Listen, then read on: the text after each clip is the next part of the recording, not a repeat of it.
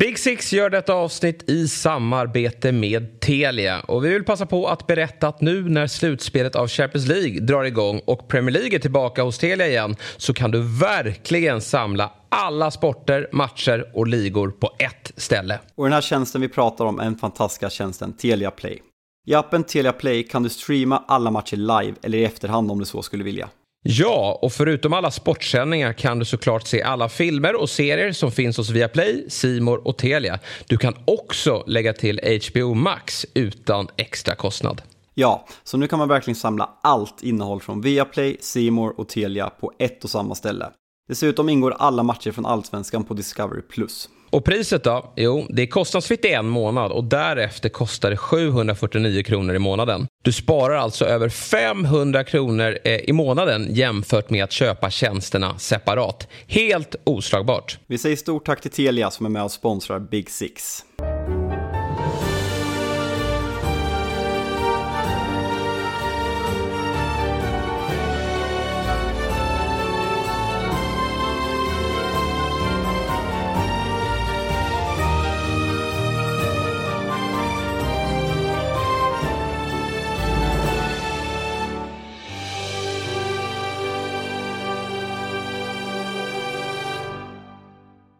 Då säger vi hjärtligt välkomna till det 48 avsnittet av Big Six och idag har jag faktiskt planerat ett litet specialavsnitt. Eh, vi kommer släppa ett eh, vanligt avsnitt imorgon tisdag eftersom det idag när det här släpps spelas Merseyside Derby och vi vill såklart ha med det i avsnittet. Men jag kände att det är faktiskt dags för Champions League och man ska inte glömma Europa League att dra igång i veckan och vad passar då bättre än att prata upp de här. Så jag har tagit beslutet att bjuda in fem ni hörde rätt. Fem gäster till den här podcasten där vi kommer ge alla ungefär en kvart, 20 minuter var att prata om läget i truppen, eh, känslan inför Europaspelet och helt enkelt, eh, nej, men så vi får lite supporterperspektiv helt enkelt. Det efterfrågas gäster så varför inte braka av med fem stycken på ett avsnitt. Och Eh, har väl egentligen ingen rangordning. Man får väl se om det kanske är bästa laget först. Det kommer förmodligen dagens första gäst tycka. Men vi, vi, får se. Det kommer bli lite spretig ordning helt enkelt. Eh, satt efter schemat som har passat de jag har bjudit in. Men först ut är... Eh, ja, Petter Landén brukar klaga när vi kallar honom Big Six-favorit. Men du är faktiskt en Big Six-favorit. Per Frykebrant, hjärtligt välkommen.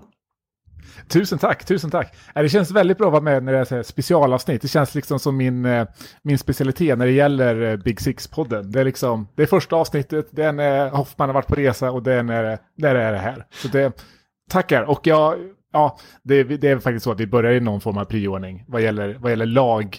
Eh, kapacitet i alla fall. Det där oddset på 17 gånger pengarna på Tottenham vinner Champions League, det, det lockar. Fan, man kanske skulle göra så att man, det är lite dålig timing att jag kör City som nummer två i ordningen, Tease, eh, spoiler alert, men eh, de är oddsfavoriter så vi kanske, vi kanske kör någon spretig typ så här att, så att folk får köra IQ-test och så här, vad finns det för, vad finns för logik i ordningen jag har valt egentligen? Ja, ja än, än så länge är den oklar. ja, säga. verkligen, jätteoklar. Men eh, annars då, hur är läget? Nej, men det, det är superbra. Alltså, livet som, som Tottenham-supporter börjar ju ljusa upp lite grann ändå, får jag säga. Det har ju varit en ganska eh, turbulent, eh, turbulent januari. Eh, hela vintern egentligen varit, varit eh, man kastats mellan, mellan hopp och förtvivlan, eller kanske inte så mycket hopp. Utan den här säsongen har varit väldigt lik förra egentligen, minus coachbytet. I det att börjat ganska, eh, ganska, ganska kaosigt och sen så börjar man se någon form av ljus i tunneln efter januarifönstret.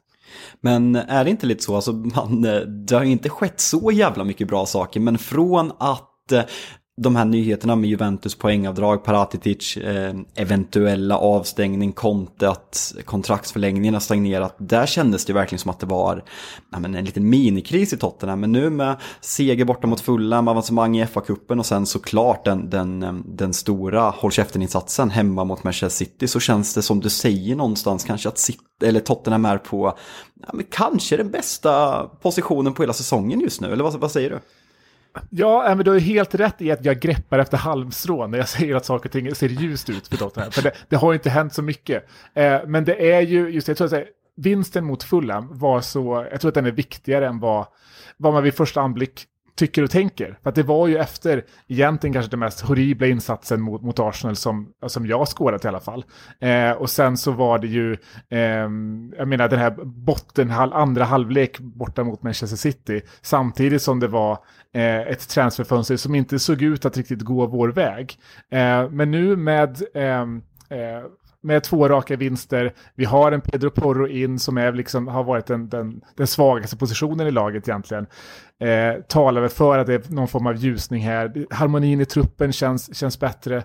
Framförallt så tycker jag att det är den fysiska statusen som jag eh, om jag ska överanalysera matchen mot, mot, City så är det den jag tar med mig där. För att Tottenham under första halvan av säsongen kändes ju faktiskt lite nedtränade. Jag vet inte om det är kanske jag som läser in det ganska mycket i liksom tröga fötter och sådär. Men ett, ett kontolag ska ju alltid vara det mest tränade. Och jag tyckte väl att vi såg kanske lite, lite för tränade ut, lite för trötta ut under första halvan av säsongen. Men så som det sprangs eh, under den här matchen, jag var helt säker på att vi skulle tappa allting i andra halvlek. För att eh, det var en, liksom, E-, enorm fysisk insats i första. Men det gjorde vi inte och det, det ger mig väldigt mycket hopp inför, eh, in, inför liksom, slutet på den här säsongen. Att säga. Men vi kanske har en till fysisk växel att lägga in. Så det är den jag sätter mitt hopp till också. Men, men där man känner den här matchen mot City som, som jag reagerar på är att eh, visserligen har varit lite skador, Charlison har varit skadad, eh, Bentancur har kommit tillbaka lite, lite tveksam efter, efter VM. Men startelvan är bra. Mm. Sen för första gången så kanske under hela säsongen så kändes det som att ni hade en riktigt bra bänk. Pedro Porro som du nämner i Charlison Charlison mm. även där, Danjuma som har kommit in och även på, nej men på wingbacksplatserna, Bissoma finns även där. Det kändes liksom som att Spurs kan förändra matchbilden på många olika sätt och det har väl inte jag känt i år tidigare. Nej, och det, det, har vi absolut inte haft. Jag menar, kollar du vad, vad alternativet har varit på bänken för fronttrean, den har, det har ju varit noll och ingenting. Liksom, I och med skadorna på eh, Richarlison har varit borta två, två, nästan tre månader totalt. Eh, Dejan varit borta två, tre månader. Lukas Mora eh, har varit borta eh, lika länge han. Och nu är det ju liksom, nu är, nu är det ju skadefritt. Sen får vi se hur länge det håller i sig. Eller skadefritt är det ju inte för att nu har vi precis fått långtidsskada för resten av säsongen också. Så mm. vi lyckades vara skadefria i en match i alla fall. Må, måste, eh, måste, men... måste ju där Per bara avbryta. Eh, jag har ju skämts tidigare i podden när jag hänvisat till Daily Mail och nu blir det fan ännu värre. Ja. Men jag måste hänvisa till Daily Mirror som tar upp möjligheten att ni ska signa Ben Foster. Den pensionerade nyligen i Viaplay-studion Ben Foster eh, som en nödlösning på bänken för, eh, för Juris skada. Vad spontana känslor för den här, det här ryktet som sipprade ut idag när vi spelade in där? Nej, men jag, jag, jag älskar det. Alltså det är ju, alltså finns det någon man, man mer hade velat se i sin klubb än Ben Foster? det, är bara, det är bara upp med vloggen igen. Ja, nej, men verkligen. Eh, nej, men det är ju om jag har förr liksom under min supporterkarriär de senaste liksom 5-10 åren haft svårt att skilja mellan Fraser Forster och Ben Foster så är det så här, det kommer ju bli ännu svårare nu. Nu, alltså, nu är det någon form av fotbollsgud där uppe som liksom bara försöker göra det extra svårt för mig. Eh, för det är ju, jag, det, tror jag att han kommer? Nej. Men konstigare saker har ju hänt. Det var ju precis det här som ledde Magnus Hedman till, till Premier League, en sista vända. Liksom. Eh, så att det konstigare saker har hänt. Eh, nu med Loris borta, det är ju, han har ju haft sin absolut sämsta säsong i Tottenham och visat på något sätt att hans, hans man har ju gått runt och, och tänkt som Tottenham-supporter att säga, eh, bävat inför den dagen han kommer lämna, så jag hoppas den dagen aldrig kommer den här säsongen har man ju hoppats, eh, mer tänkt hoppas den dagen snart kommer. Eh, för den, hans, hans insatser har ju stadigt gått neråt och tyvärr så har ju inte Fraser Forster varit så mycket bättre. Eh, man, har ju, eh, man, man, kan absolut ha en sämre reservmålvakt än Fraser Forster, men inte jättemycket sämre. Han, det har ju blivit eh, ett mode nästan att ha bra reservmålvakter och han, jag kommer inte ihåg exakt vilken match det var, men han såg ju riktigt, riktigt skakig ut där om det var direkt efter, när, efter ja. VM när Juris inte var tillbaka. Men vi ska, vi ska gå vidare lite, jag måste bara innan vi går in på Champions League-fokuset, jag måste bara prata om Harry Kane som den här veckan slog Jimmy Greaves eh, målrekord för Tottenham. Först och främst känslan eh, att det just sker mot Manchester City och sen måste vi, jag även fråga som Spurs-supporter, vad är känslan kring? Spelar han i Tottenham när vi drar igång säsongen 2023-2024? Mm. Ja, men känslan kring Kane, nu börjar jag ju känna att allt är förlåtet lite grann. Först nu, ett och ett halvt år senare efter liksom, City-fadäsen, börjar jag känna att nu är det förlåtet. För när han står där på mittplan, man ser, eh, han, han liksom tackas av, eh, eller tackas av, han tackas av alla, sina, alla, alla supportrar, han har, liksom, han har tårarna i halsen. Man känner ju där och då att oavsett vad som händer härnäst med Harry Kane, så här och nu representerar han det som fortfarande är bra med fotboll. Alltså han representerar det, det, det är en stad, det är en klubb, det är en tröja. Han representerar fortfarande det. Och för det har vi bestämt mig för att jag ska fortsätta älska honom så länge som han representerar just det. Sen så är det ju så här, vad, vad, som gäller, vad, vad händer nästa, vad är nästa kapitel i Harry Kanes saga? Jag har ju alltid trott, och det är fullt övertygad om, att det enda som betyder någonting för honom är att slå det här jävla Premier League-målrekordet. Och jag är fullt övertygad om att nu när, nu när City är ute ur bilden så, så, så, finns det inget, ingen annan klubb i, i, i Premier League där han har större chans att slå det rekordet i än, än Tottenham. Eh, jag menar, ja, Manchester United är liksom den starkaste kandidaten, men det är, det är långt ifrån eh, garanterat att han kommer vara samma liksom, focal point i United. Men inte... Där kommer han komma in och vara en stjärna, liksom, precis som en, en Cavani har kommit in, eller en mm. eh, Ronaldo liknande. Han, här kommer han ju vara given och han kommer få, jag menar det är faktiskt bara 60 mål nu. Han kommer förmodligen komma upp i 30 mål den här säsongen. Efter det har han 50 mål kvar på och han har väl 5-6 säsonger kvar. Men är, inte, men är inte det känslan gällande det där att argumentet för att Kane ska lämna till Manchester United är att han ska ja, men vinna titlar. Eh, när Robin van Persie gjorde mm. en liknande övergång från Arsenal till Manchester United var United ja, men tillsammans med City, eller man, man var det bästa laget i England. Nu, det är ju långt ifrån en garanti på att han ska vinna titlar i Manchester United och det är det som gör det. Det värt att fucka sitt, eller inte fucka, han kommer inte fucka sitt legacy men gör att det alltid kommer finnas någon där. Eh, för att gå till något som inte ens är säkert. Det är det, det är som en, hade det varit City, då hade jag köpt på ett annat sätt för då har han garanterat titlar Absolut. som det har sett ut. Ja men verkligen. Jag, jag, tror faktiskt att han fuckar det lite ändå. För att säga, man vill ju ha, är man så stor som spelare så vill du ha ett hem sen efter karriären. Gör han ett sånt här byte, jag, jag, det är inte som att Robin van Persie, tror jag i alla fall, känner att United är hans hem. Jag älskar honom. Och han känner absolut, och han, han, han känner absolut inte att Arsenal är hans hem heller längre, kan jag tänka mig. Eh, så jag, jag, tror ändå att liksom, det där legacy-biten kan påverkas utav att gå till United. Sen så tror jag så här, hade det varit givet att han vinner titlar där, då hade det mer varit okej. Okay. Men nu är det kanske så här, ja han har lite större chans att vinna det i United, men det är kanske så 20-30 procent. Mm. Versus om man går till City så är det nu 200 procent. Ja, verkligen. Men jag tror, jag, jag, tror ändå inte att, jag tror inte att Tottenham säljer honom. Jag tror att det skulle komma in ett bra bud, alltså en, en, ett, en miljardbud. Då skulle man kunna sälja, men jag tror inte att någon klubb är villig att lägga de pengarna på honom. Eh, och sen så är ju då frågan, skulle någon kunna värva honom någon gratis om ett år? Men då, det kommer han inte göra mot Spurs. År. Det kommer han inte göra mot jag Spurs. Jag tror inte det heller. Jag tror Nej. inte heller. Nu måste vi faktiskt prata Milan, eh, Per. Och mm. eh, för, eh, för tre veckor sedan hade jag sagt att det här var 50-50. Nu säger jag att det är 75-25 till Spurs fördel med tanke på att Milan har gått sju raka utan vinst och är helt odugliga. Eh, vad säger du om den taken från mig?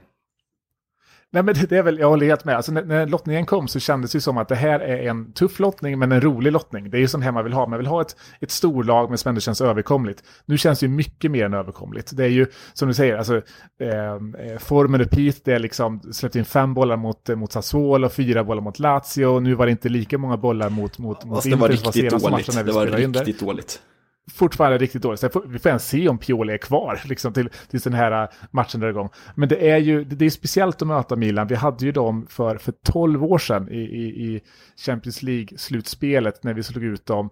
Eh, när det var... Är det när Joe Jordan, Joe Jordan va? Exakt. Ja. Joe Jordan får, får ett stryptag från Gattuso. Så Gattuso får en lång avstängning och han, han fick inte ens följa med tillbaka till London till returen för att det var så stor hotbild mot honom. Går inte, går inte, eh, går, går inte Harry Redknapp typ ut så här och bara alltså, Alltså, ska man göra det på någon, inte Joe Jordan, alltså det är ett råskinn. Exakt, exakt. Och han, har, man, har man inte sett bilderna från det här så rekommenderar jag att kolla upp dem. För det är ju, Joe Jordan är ju ett råskinn, han, han rör ju inte en min när Gattuso försöker döda honom. Eh, så det är, eh, i och med det så det, det levlar ju upp liksom känslan inför, eh, inför den här matchen. Och eh, det är ju såklart med allt facit liksom vi har kring Milan, Tottenham ska ju vara storfavoriter. Men det som lite oroar mig är väl just att säga, ja, Milan har ändå första hemmamatchen här. Och eh, hade det varit tvärtom, att vi hade börjat hemma, då hade man ju kunnat tänka sig att säga, Milan kommer dit dålig form, det är ett kokande Tottenham Hotspur Stadium. Eh, det hade kunnat rinna iväg med den formen de har. Nu har de ändå en möjlighet att hemma sig på något sätt starta om sin säsong eh, i, i, med Europaspelet. Få med sig ett bra resultat där och kunna spela på det på Tottenham eh, Stadium. Så att, att, att de har eh, hemmafördel i första matchen är väl, eh, ett, det är nog en fördel för dem i den här liksom, eh, Eh, i den här åttondelen. Men, men det är klart att så här, oddsen är ju 1,70 på Spurs, så det, det, är väl där någonstans som ska vara. Mm. Ja, men om vi pratar om eh, just prioriteten för, för CL för Spurs, för om man, om man tar Spurs så är ju den ganska, nej men man, man tävlar egentligen på tre plan. Eh, på, på samma villkor. Man, I ligan så kommer man behöva slåss för näbbar och klor hela säsongen ut i känslan för att säkra topp fyra. Man, eh, ja men Antonio Conte har en historik med en vinst och en semifinal, eller en, har han en finalförlust och en, en vinst i FA-cupen med Chelsea så har han en fin historia i den kuppen. Och sen så har vi Champions League där man ändå har fått en överkomlig lottning. Om du vill bara prata supporterskap lite fort, hur, vad känner du för den här våren? Vad ska prioriteras högst? Nej, men det är klart att nu, nu när vi har lite, liksom ser lite ljus i tunneln så är det ju, Tottenham är fortfarande en sån klubb där det ska satsas på, på ligan. Alltså det ska, Champions League ska nås. Det, det är det som är första målet, ser jag. Eh, eh, så, så, jag skulle känna att så här, förhoppningarna på Champions League är väl att så här, går vi till kvartsfinal så är det någonting så här, det tar inte ut för mycket på krafterna. Vi har ett fullt godkänt eh, resultat i den tävlingen det skulle jag, det skulle jag vara nöjd med. Eh, så där, eh, och sen så har vi, vi har en bra lottning i FA-cupen också. Eh, många storlag redan utslagna ur den. Jag tror att vår titelmöjlighet finns vi kanske snarare där. Eh, så jag skulle väl säga hur högt, hur, högt, ligan. hur högt prioriteras den här FA-cupen? Om du pratar bara för dig själv. Alltså hur mycket skulle den betyda jag, som supporter? Nej men det är, det är den största titeln som Tottenham har vunnit under mitt, i mitt liv. Mm. Eh, så att den skulle såklart betyda, jag, jag, hade, jag hade offrat en Champions League-plats för en, en fa Cup-titel. Eh, om, jag, om jag själv hade fått välja. Mm. Eh, faktiskt. Och nu har vi ju, vi har, det var nära att vi fick Wrexham. Nu blir det Sheffield United istället. men det är väl en fullt överkomlig lottning eh, också. Eh, men sen ska vi säga det nu, att med, vi har Milan, jag måste bara säga kring Milan eh, och mötet på San Siro här, att nu, nu när Loris är skadad, eh, Fraser Forster har lirat sådär, det här öppnar ju verkligen för att Alfie Whiteman på två månader går från Stora Valla till San Siro. Jag har glömt bort honom. Eh, ja, och jag, jag, jag är redo att åka ur Champions League för att få se den resan. Ja, verkligen. Eh, vad heter det? det? Fan, tiden går fort när man är roligt. Vi ska försöka avsluta det här eh, så att det inte springer iväg för mycket. Men om vi bara, eh, en sista sak. Hur, eh, hur tippar du Spurs Europa-äventyr i, eh, i vår? Hur långt, hur långt, vad, vad blir matchen mot Milan och hur långt går man sammanlagt? Eh, nej, nej, men det blir, det blir en kvartsfinal här. Eh, vi, vi kommer väl spela en, eh, Eh, ska vi säga att det blir en målsnål oavgjord match eh, på, på, på San Siro. Eh, och sen så, så, så tar vi hem det i, i, i returen. Så det, jag känner mig ganska trygg i det ändå. Sen vet man ju att trots att Zlatan nu bara gjorde sin första, första träning eh, igår när, när vi spelade in här, så han har ungefär en vecka till, till, till, till, till, till matchen mot Tottenham. Han är inte registrerad i Champions League-truppen. Men trots allt det vet man ju att på något jävla vänster kommer han komma in i den här matchen och avgöra den ändå. så att säga, jag, har, jag, jag, jag bär fortfarande med mig det. Eh, men, men, eh, men, men, men jag tippar på att vi går vidare här, sen så tar det slut i, i kvarten. Och det är ändå helt, det är helt okej okay med. Fan, jag känner det är sån svag fråga och fråga hur långt man går. Det har så jävla mycket med lottning. Men jag måste ändå göra det bara för att få se. Eh, fan vad ja. fint Per. Eh, jag önskar er lycka till fram till Zlatan kommer in. För då kommer jag hålla på Zlatan. Så är det bara. Men eh, ja, nej men jag vi... Köper det. Jag köper det. Mm, nej men vi får ta att ringa upp dig. För jag känner att den här kvarten, det går fort och man har mycket mer att prata gällande Tottenham. Så vi säger på återseende och eh, tack så mycket. Tusen tack själv. Vi hörs.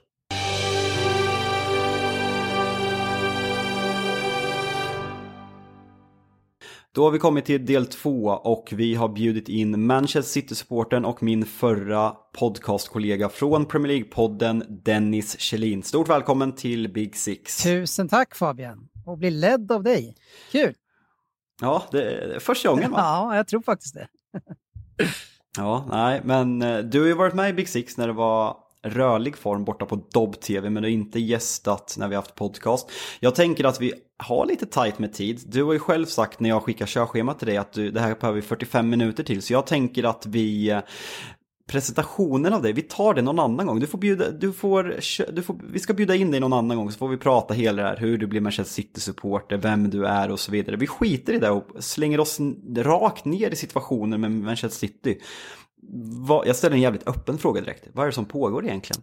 Om vi, om vi pratar sportsligt till att börja med, mm. vill jag vara väldigt tydlig. Ja, eh, det är ganska frustrerande just nu som City-supporter. Vi, vi är jävligt bortskämda så det är ju eh, att, att vi ska få klaga, det, det kanske inte många tycker att vi ska göra, men äh, det känns lite grann som att Pep har någon sorts kris i, i, eh, sitt, äh, i sin roll egentligen som, som manager. Han har vunnit ligan nu fyra gånger på fem år och jag får en känsla av att han experimenterar mer än han någonsin gjort förut. Och han, han sätter prestige i att få saker som han tror ska fungera och fungera oavsett konsekvenserna. Och jag tänker på, på Grealish till exempel som han har värvat sjukt dyrt och han pratar väldigt varmt om honom trots att Grealish står för men, inga poäng och bidrar inte så mycket till poäng utan drar ner spelet, eh, gör det mer statiskt och, och vi tappar egentligen vår grund ganska mycket med honom. Men, och samma sak kanske med Ake,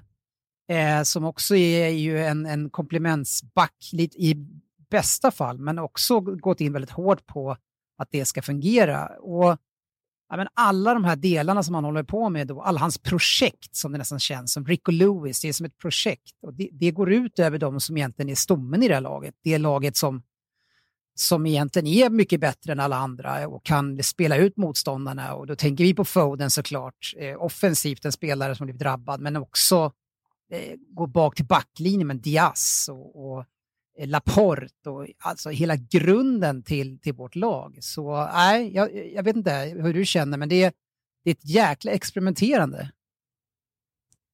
Men vad, vad, vad, tror du att det här kommer ifrån? För Pep har ju blivit känd på något sätt att göra de här överanalyseringarna, kanske framförallt i Champions League, där bland annat, men som ett praktexempel är när han i Champions League-finalen mot Chelsea ställer upp utan Rodri och Fernandinho för första gången på en hel säsong mm. och det, liksom, det funkar inte. Nu, nu känns det som Ja, men det känns som flera säsonger sedan när man satt och sa efter tre, fyra, fem omgångar när Håland bara öste in mål. Vi döpte våra avsnitt till att det är fusk och ha Håland. Mm. Nu, det känns som, ja, men många pratar om att City kanske var för mig är ju Barcelona 2011 det bästa laget genom tiderna som vinner, som vinner mot United på Wembley. Men jag har ju hållit det här City-laget snudda på. Jag kände att det här laget från förra året plus Håland verkligen kan utmana och vara världens bästa lag genom tiderna. Och nu, ja, men mindre än ett halvår senare och ett, ett VM emellan så sitter vi här och kanske pratar om Peps största kris i Manchester City och det, utifrån det är så svårt att förstå som du säger med de här spelarna.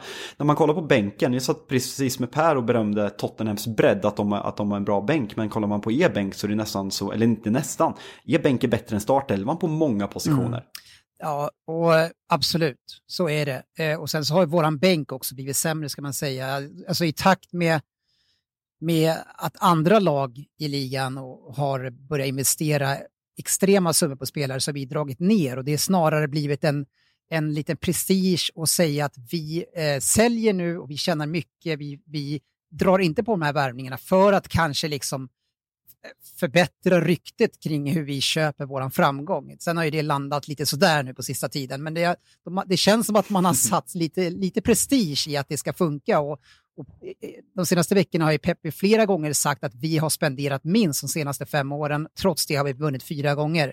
Så lite grann, eh, det är, det är, det är massa grejer på gång samtidigt känns det. Och, men om man tittar på den trupp vi har, en, en, en potentiell första elva när vi hade Cancelo innan, så ska det här laget kunna prestera lika bra som innan. Och varför inte gör det? Ja, det, det är flera skäl till det. Och jag, men jag tycker tyvärr att det landar mycket i Pep. För att han har experimenterat och roterat extremt mycket. Det började redan strax innan VM, men sen även efter VM så är det jättemånga spelare som Visst, många är involverade i VM, men det är lite speltid på många. Man kommer inte in, det är ett annat typ av spel. Kommer tillbaka till City och så börjar han rotera igen och vissa spelare får spela var tredje, var fjärde match. Ingen kommer in i säsongen i City. Eh, så det gör ju att han har inga som är igång och då funkar inte pressspelet och, och är de inte igång heller i säsongen så kommer de inte heller upp i intensitet och han klagar på att de har fel inställning då, kroppsspråket är fel, men det är snarare han som har fått hela laget att inte komma in i det här. Så det är, det är, det är flera olika grejer som, som, från hans sida som gör att det blir så här. Och sen tycker han då nu, i det läget där vi är, att han spelar de spelarna som är hetast ja men du har ju valt att spela Grealish och du har valt att spela Ake och Akanji och de här spelarna som håller liksom, nivån under de bästa. Det är de du har spelat konsekvent och matchat in dem. Det är klart att de in i, in i säsongen är bra. Men problemet blir då när vi ska spela för att vinna saker den här säsongen, ja men då håller inte Akanji, då håller inte Ake och de här spelarna Alltså jag, ty jag, jag, jag, tycker de har visat det både mot, ja men kanske mot United, alltså deras agerande på Uniteds 2-1 mål när eh, Akanji missar bakom sig och även hela insatsen mot, mot Tottenham. Nu, eh, nu senast när vi spelade in där när, när man förlorar med 1-0 på, på bortaplan. Så tycker jag man ser den här, att den här höjden av en Kevin De Bruyne-spelare finns inte. Höjden av Phil Foden, Ruben Diaz, Laporte, den, den finns inte. Jag, jag, måste bara, innan vi går vidare, vi ska prata om lite saker som hänt utanför plan i veckan också. Men jag och Jesper har ju, ja men länge egentligen eh, ifrågasatt vad, vad Pep gör med Phil Foden. Jag vet att du och jag har haft den här diskussionen alltså sedan länge att han har slussats in så, så långsamt. Vilket Pep har fått rätt på för han har blivit en jävligt bra spelare. Men känslan är ju att Pep håller tillbaka Phil Foden. Är det attitydsproblem vid sidan av planen? Är det attitydsproblem, kroppsspråk på planen? Vad, vad är din analys som, som City-supporter av hanteringen av Phil Foden? För fan vad bra han var i, i höstas innan. Det är efter Liverpool-matchen egentligen som han kommer på Peps shitlist och knappt får spela. Ja, det, det är ju i samband med det här som han börjar prata om kroppsspråk. Men när man, se, när man ser Phil Foden och den han är och hur han agerar, det är jävligt svårt att tro att han är en av dem som har fel kroppsspråk. Eh, jag tror snarare att det är så här att det här är en spelare som alltid har varit möjlig för Pep att bänka och han fortsätter det. En bänkbar spelare, en spelare som tar in för en miljard som du motiverar för din ledning att du ska ta in honom. Äh, det är lite tuffare att bänka honom, men han som kommer in från när han var nio år eller om det är sju år till till, nej, det går fortfarande att göra det, men problemet, och nästan alla ser ju, alla ser att högsta höjden på Foden är så extremt mycket högre än Grealish. Och vi såg innan vad han kan göra och när han får, hur han får igång vårt anfallsspel, rörlighet och kan kombinera ihop med de andra. Det blir andra typer av ytor som öppnar sig för, för Kevin Bruyne och så vidare. Och det påverkar också Håland i, slut, i slutliga delen. Så det är det här jävla... Han, är, han får ju en sån besatthet. Han är ju besatt på vissa sätt och nu har han vissa grejer som bara ska lösas och Grealish är en av dem och det är förjävligt för det, det drabbar oss. Mm. Nej, jag förstår att det är frustrerande och jag förstår att man känner att man inte får klaga. Men som supporter får man alltid klaga Ja, eh, på, tal om att klaga, på, på tal om att klaga, eh, vi ska inte gå in jättedjupt på det här för det, det, det, blir jävligt mycket spekulationer. Men vad, vad, vad känner du som supporter, bara en spontana känsla när, de här, när Premier League går ut med de här 101 olika överträdelserna för nej, men systematiskt fusk, mm. fusk ekonomiskt. Sen egentligen säsongen 2008-2009 är det väl, eller om det är 9-10. Vad, vad känner man som supporter? Är man är man eh, rädd för vad som ska komma eller hur, om du bara försöker sätta ord på känslorna? Alltså, att vi har eh, dribblat med eh, ekonomin när vi klev in och skulle växa upp och växla upp och komma in i det där, det, det är ingen som det är, det är, ingen som är chockerad över det här. Liksom. Det, är, det, det jag inte fattat innan det var att, att det fanns så tydliga regler redan på den tiden. Jag visste att det kom sen med Financial Fair Play och allting och vi har testat det vi har redan kört en sväng på det här. Så, ah, alltså hur känner man? Jag är inte, jag är inte rädd, jag är snarare så lite avtrubbad och trött. Vi har haft det här över oss nu i så jävla många år och alla eh, kastar ju skit på City och City-supporters just för det här. Så det är liksom någonting, och nu blir det bara ytterligare en sån här grej. Eh, så ah, jag vet inte, det här kommer att ta lång tid att reda ut och vi kommer att stoppa in det. Vi såg väl nu i veckan här att vi har en advokat som kostar lika mycket som Kevin De Bruyne. Liksom.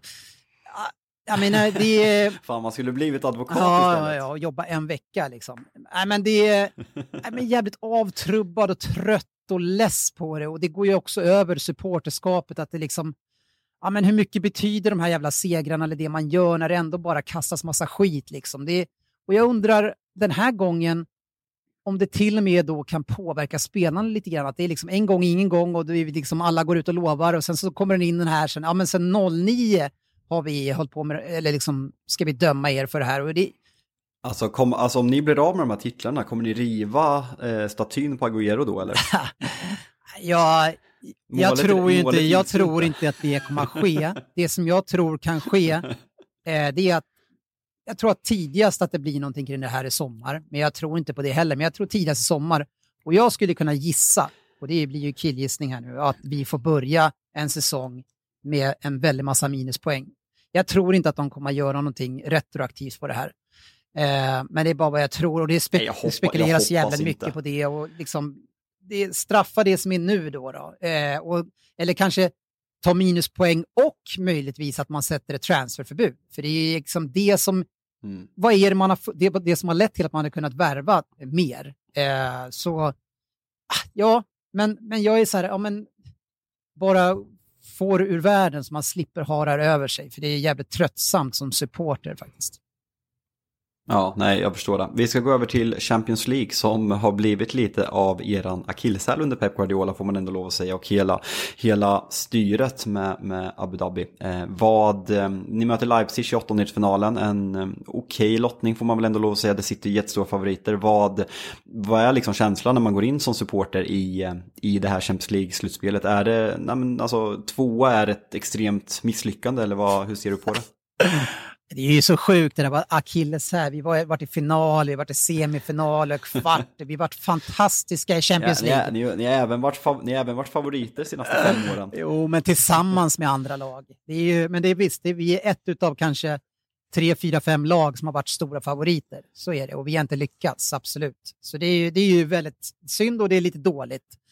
Eh, men, men ändå, jag tycker ändå vi har presterat bra. Men in i turneringen där vi är nu då och vi möter Leipzig i en jättebra lottning som du säger. Jag är inte så jätterädd från dem. Det är Timo Werner och Forsberg med flera som ska liksom... Eh, men så som vi kliver in i den här turneringen i den formen vi har. Vi, vi vinner inte mot Everton, vi vinner inte mot Brentford, inte mot Tottenham, inte ens mot Southampton.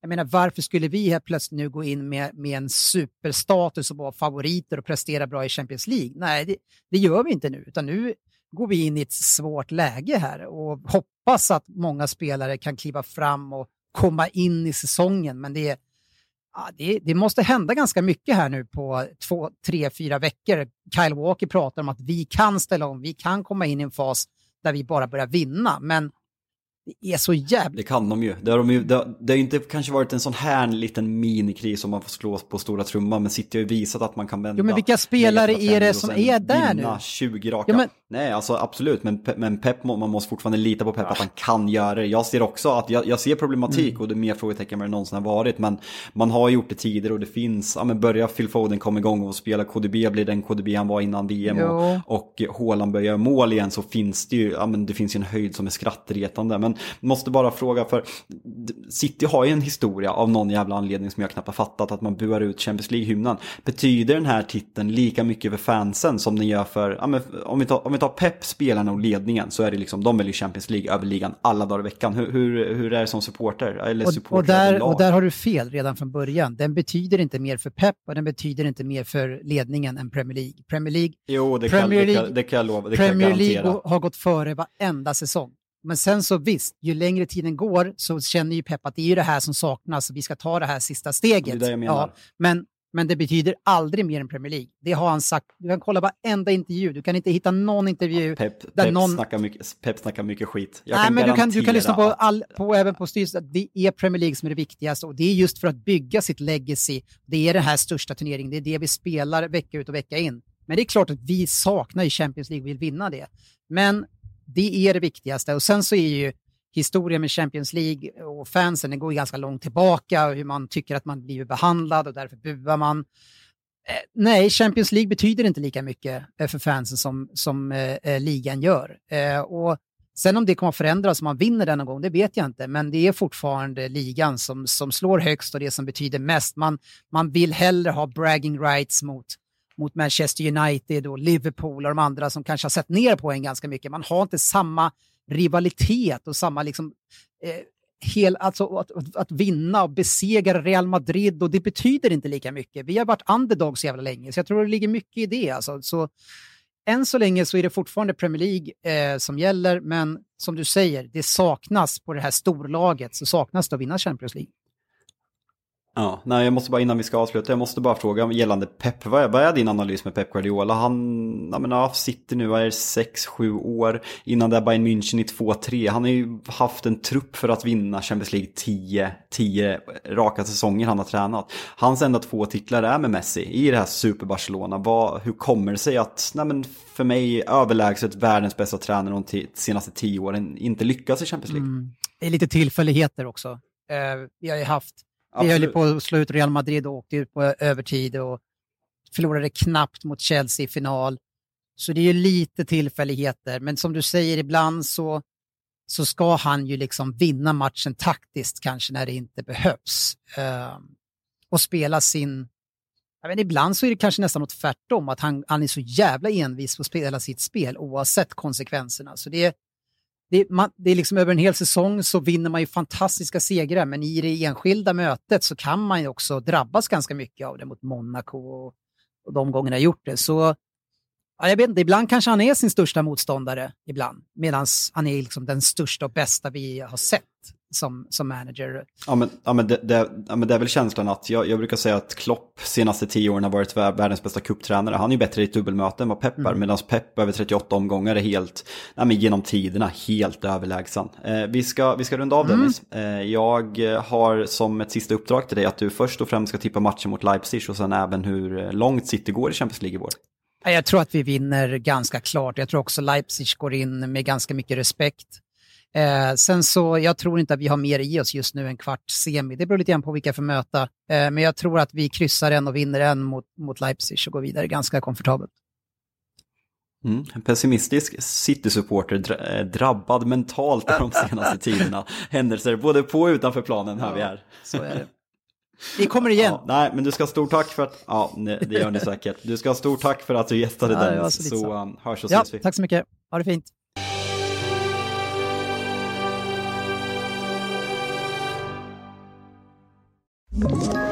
Ett poddtips från Podplay.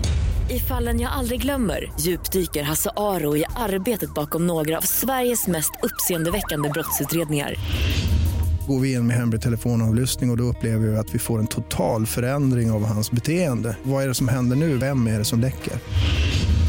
Och så säger han att jag är kriminell, jag har varit kriminell i hela mitt liv men att mörda ett barn, där går min gräns. Nya säsongen av Fallen jag aldrig glömmer på Podplay.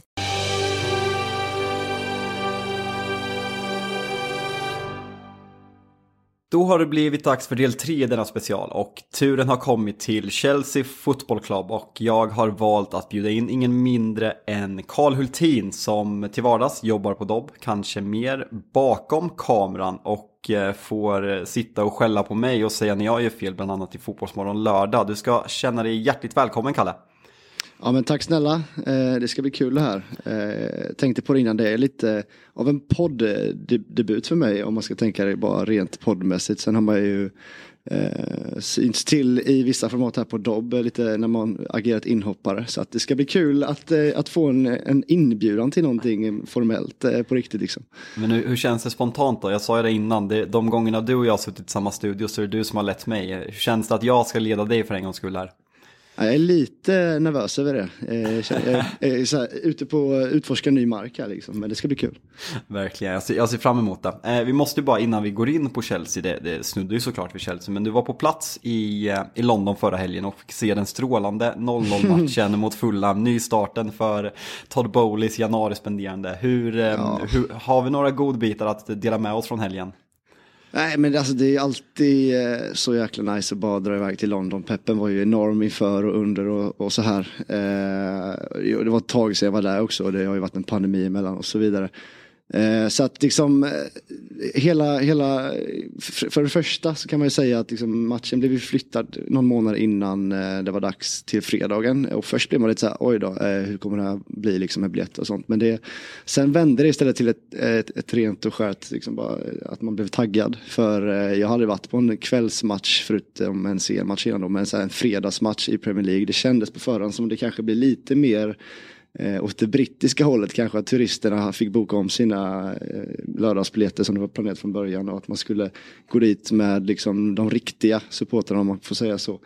Eh, där man inte är en utav dem såklart, men liksom känna på den brittiska pulsen eh, på, ett, på ett annat sätt. Så att allt inför var liksom eh, ett klockrent upplägg. Eh, landade såklart in på The Pensioner innan som, eh, som vissa såg kanske på fantasykontona på Instagram och Twitter och så här. Så upplägget var eh, kanon eh, och sen så blåste ju domaren i visslan och sen så, ja, vet vad som hände. Du kan säga att du såg många spelare för första gången i alla fall i deras första match. Enzo Fernandes, Mudryks eh, hemmadebut och så vidare. Men gällande det där med fredagsmatcher, jag tror jag kan ha sett någon cupmatch en fredag fredag kväll. När jag bodde i, jag vet inte om jag har sagt det till dig, men jag har alltså bott i Manchester. Om, Ja, någon, det. om någon av våra Någon som har sagt det någon gång, ja, tror jag. Nej, jag kanske har nämnt det någon gång. Nej, men eh, för, för jag vet att när det här kom till England så var det väldigt mycket, ja, men det möttes av väldigt mycket kritik för att ja, men det är svårt att ta sig till bortamatcher fredagskvällar, man måste ta ledigt från jobbet och sådana saker. Men det känns ändå som att folk har vänt. För när man kollar som tv-konsument så är det alltid trevligt med extra matcher, det måste man ju se. Man måste kunna blanda, alltså de som åker live och man måste kunna uppskatta det som tv-tittare. Men det känns verkligen som att ja, men stämningen har varit grym, alltså de här matcherna. Jag vet när Brentford mötte Arsenal, om det var premiären förra året. Och sen har ju Sky Sports börjat gjort liksom Friday Night Football. Jag tycker att det har ja, men blivit jävligt mycket bättre än vad man hade tänkt sig. Ja, och det var ju min eh, första tanke också. Att så här, det här känns eh, bättre på annat sätt. Det känns som uppladdningen kommer bli mer, eh, alltså att ja, folk går direkt från jobbet då så, som Det är hemmasupporter till, säg som det är, det är att folk är fulla och sen blir det bättre Ja. stämning. Det är allt det, det, är allt det handlar om. Ja, alltså, så här, när, man det pratar om, när man pratar om matchtider och så här stämning, alltså det enda det handlar om, alltså 17.30 lördag, det är folk, hinner su- ja. folk hinner supa mer så man gapar mer. Det, det, det är det det handlar om och det, det är fint det- på något sätt. Sen ska man dricka, dricka med måtta. Måste vi ändå nämna så att vi är, vi är ansvarsfulla här. Eh, måste bara, innan vi går in, vi ska ju som sagt, det är en Champions League special där, så vi ska prata upp matchen mot Dortmund och eh, eh, Chelseas Champions Leagues historia och våren som ska komma skall. Men ja, vi måste ju ta elefanten i rummet. Jag och Jesper har ju pratat om det mycket, mycket ifrågasättande. Vi har fått lite mothugg av Chelsea-supportrar, men kortfattat, eller kortfattat, det går inte att prata kortfattat, men så Nej. kortfattat som det går. Vad, vad är känslan efter januari som supporter? Efter eh, ja, den historiska spenderingen av Todd Bowleys Chelsea? Ja, det är minst sagt så. Det här är förmodligen ett fönster du kommer liksom minnas eh, många år framöver. Eh, men jag, alltså jag har ju, vi har ju skrivit till varandra i, i olika grupper på WhatsApp och, och sen det började, man visste ju inte när den skulle sluta liksom. Men min alltså, ärliga känsla kring det är att liksom, man har blivit, eh, li, alltså, att jag nästan skäms lite för hur eh, vulgärt Chelsea har arbetat i det här fönstret och med Bowley som verkar inte ha, han verkar inte få nog med sin aptit eh, liksom för spelare och hur han, han skiter fullständigt i liksom, sättet eh, vanligtvis en fotbollsklubb bör drivas liksom. Eh, så att jag har nästan, du vet, knappt velat eh, diskutera det eh, bland vänner och så här. Eh, utan bara känt att eh, fan vad är det som sker i eh, den klubben jag gillar så mycket liksom. Eh, och det är liksom, det är väl grundkänslan men samtidigt så här. Kollar man bara enkelt på det så är det så här, det är ju fortfarande skitkul med liksom nya, nya eh, och stora namn som kommer in i, i, i klubben. Liksom. Men det har nästan varit, det har gått eh, för långt. Så att liksom, jag kan ju knappt, om du, om du frågar mig frågan nu, ah, vilka plockar ni in i januari? Jag tror jag bommar minst en eller två faktiskt. Ja, det, så, man- ska det, så ska det inte vara, abs- absolut inte. Nej, man har ju glömt vissa, och så, så som supporter, alltså man får ju vara en jävla hycklare. Man, man får ifrågasätta mycket, men jag misstänker när du sätter det där på Stamford Bridge eh, 20.00 i... Ja, då är det ju bara gasa. Alltså, då skiter man i allt, I fredags och du ser Enzo Fernandes stiga ut där på Ja. plan direkt i premiären, Mudryk gör sin hemmadebut. Då, Ja, då ja. skiter man i de här problematiska sakerna, att Mudryk har skrivit de här Verkligen. Då är det tweetsen 90 om Arsenal. minuter isolerat bara du vet skrika och, och, och dö och dricka öl för din klubb liksom. Exakt, och det är det, det, är det, Alltså, som är, är det. det. det, är det som måste vara fint med supportskap, att det, att det handlar om känslor, att man får se, se bortom vissa saker ibland. Men jag måste bara som, Ja. för, för känslan utifrån, jag har ju alltid som de motståndare och supporter sett Chelsea som, ja, men, eh, som ett gäng, sen Roman-styret tog över, ja, men ett gäng med legoknäckta. Man har haft de här, ja, men Lampard, Terry och de som, som fanns innan. Mm. Men sen har det blivit mycket, ja, men man byter ut många spelare, man värvar, man sparkar tränare. Det har känts ganska själlöst. Men det här transferförbudet byggde ju på något sätt upp ett Chelsea som var lättare att tycka om när ja, men Reece James, eh,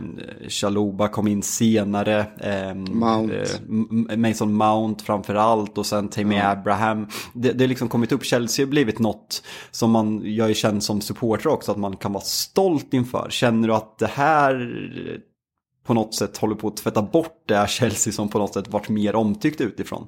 Ja men verkligen eh, så. Du, du har något, eh, liksom, du har rätt i det. För att liksom, som du sa där med Lampard och Terry och Drogba de som, som alltid var där trots att tränare och andra spelare byttes ut var och varannat fönster. Liksom. Så att nu, nu är det ju så gånger tio känns det som. Och de här, eh, Abraham försvann eh, till Italien, likaså Tomori, Guehi försvann till en annan klubb i Guehi. Det är i och för sig vanligt att ungdomar kommer upp, gör debut, typ säljs. Men efter det här transferfönstret, eh, liksom, när vi fick eh, transferbanden där under Lampard och Lampard var tränare, då kom det ju en helt ny anda i klubben och supportrarna.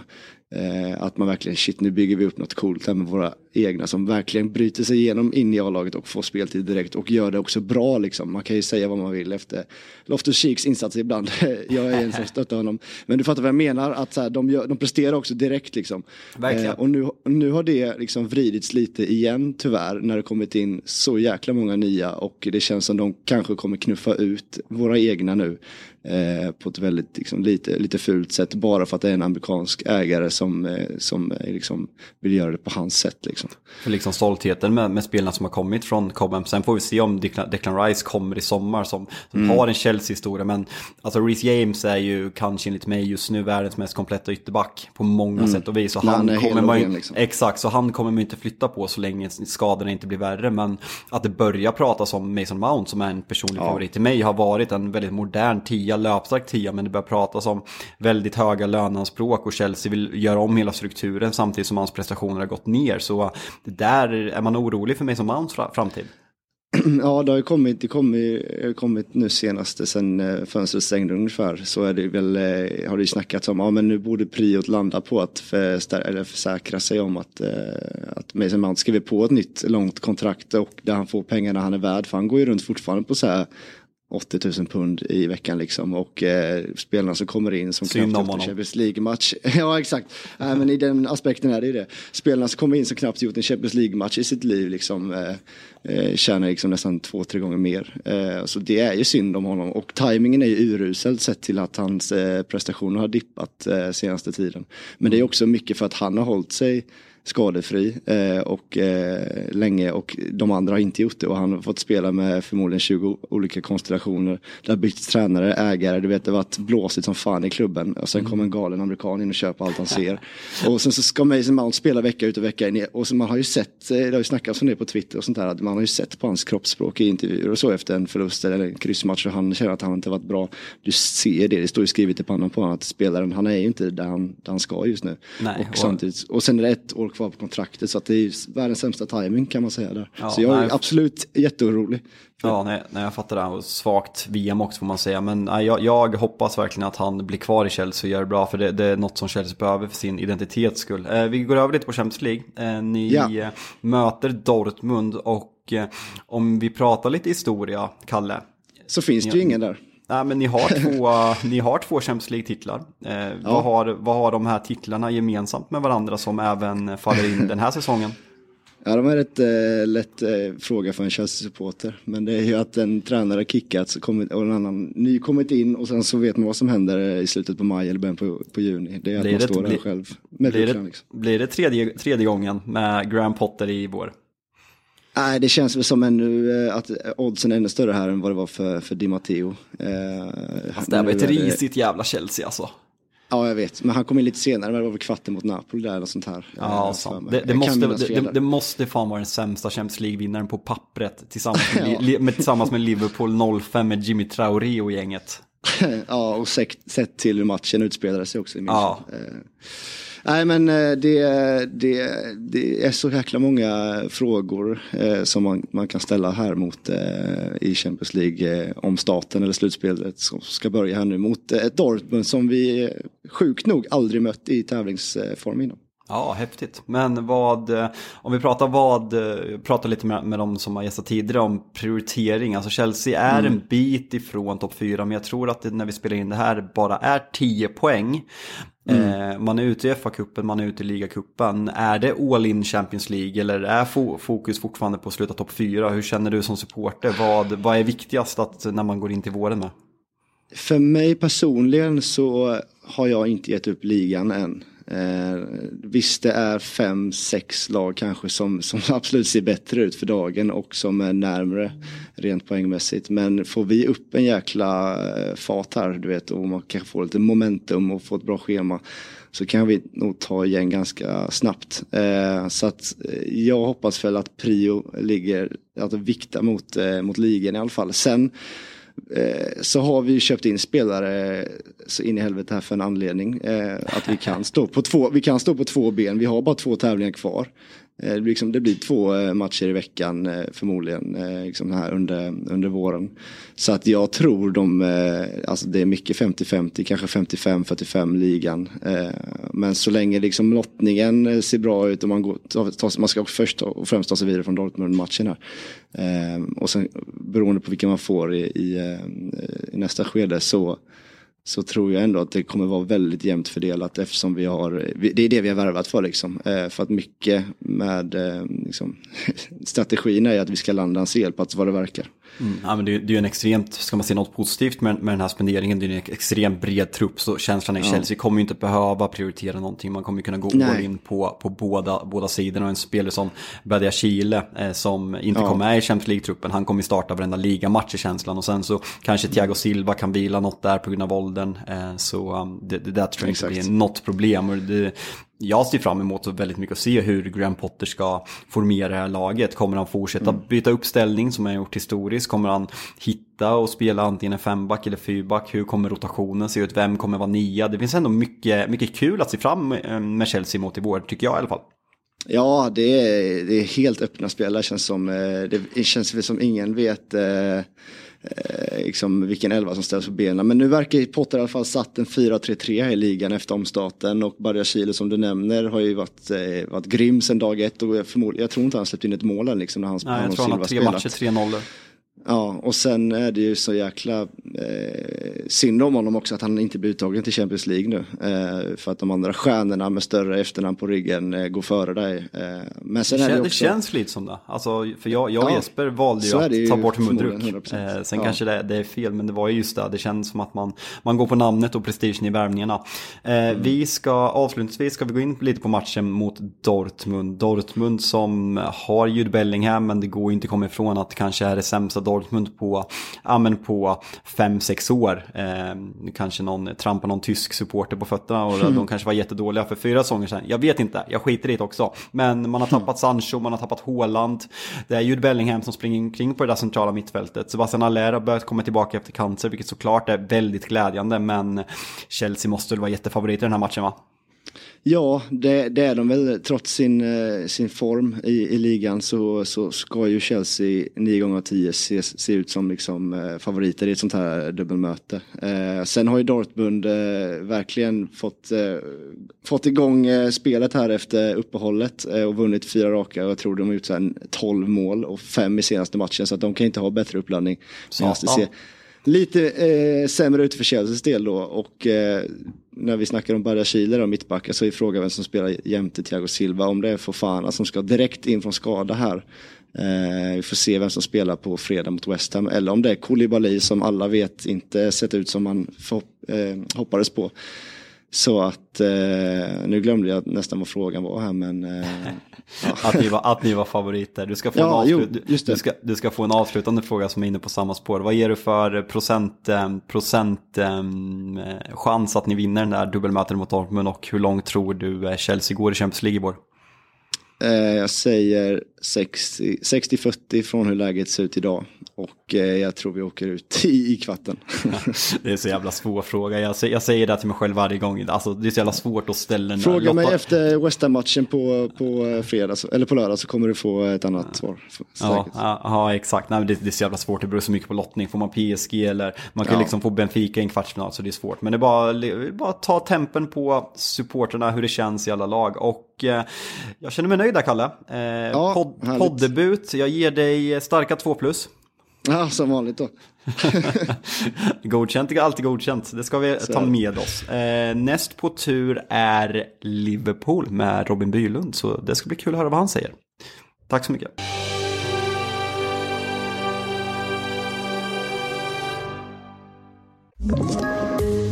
Poddtips från Podplay. I podden Något Kaiko garanterar östgötarna Brutti och jag, Davva, dig en stor dos skratt.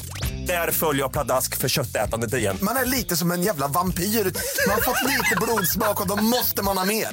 Udda spaningar, fängslande anekdoter och en och annan arg rant. Jag måste ha mitt kaffe på morgonen för annars är jag ingen trevlig människa. Då är du ingen trevlig människa, punkt. Något kajko, hör du på podplay. Därför är gardinerna.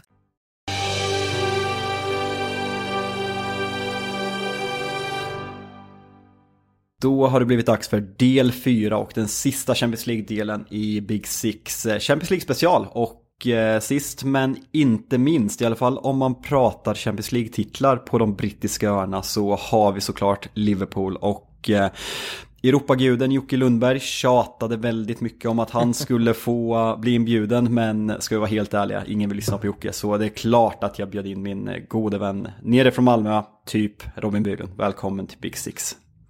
Ja men stort, eh, stort, stort tack. Det är ju, det är fint att ni äntligen kan ha ett eh, poddnamn som eh, då andas de stora sex pokalerna vi har lyft ut i Europa och, och inget annat om folk nu undrar varför ni heter Big Six. Fan, ja, nu, nu blir metatänka, det här gillar jag inte. Eh, innan Nej, vi, in, ja verkligen, innan vi går in på Liverpool, hur, hur är läget?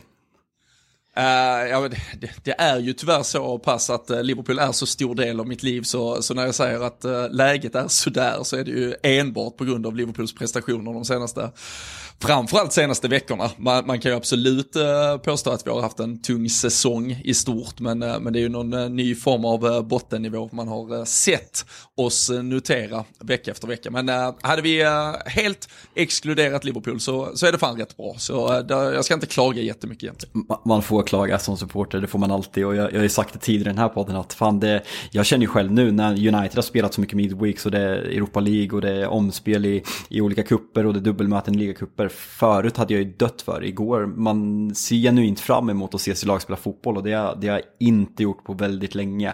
Du, du är inne lite på att det är sämre än eh, på väldigt lång tid tidigare, kanske sämsta under Jürgen Klopp som man har sett. Vad, vad är egentligen den, eh, ja, men om du ska försöka enkelt analysera vad som har gått fel efter VM? Vad, för vi har ju pratat om den lilla minikrisen innan, men efter VM i de här matcherna, men kryss mot Wolves i FA-cupen, pulverisering av både Brighton och Wolves i ligan, vad är det som har gjort att det har gått från dåligt till uselt egentligen?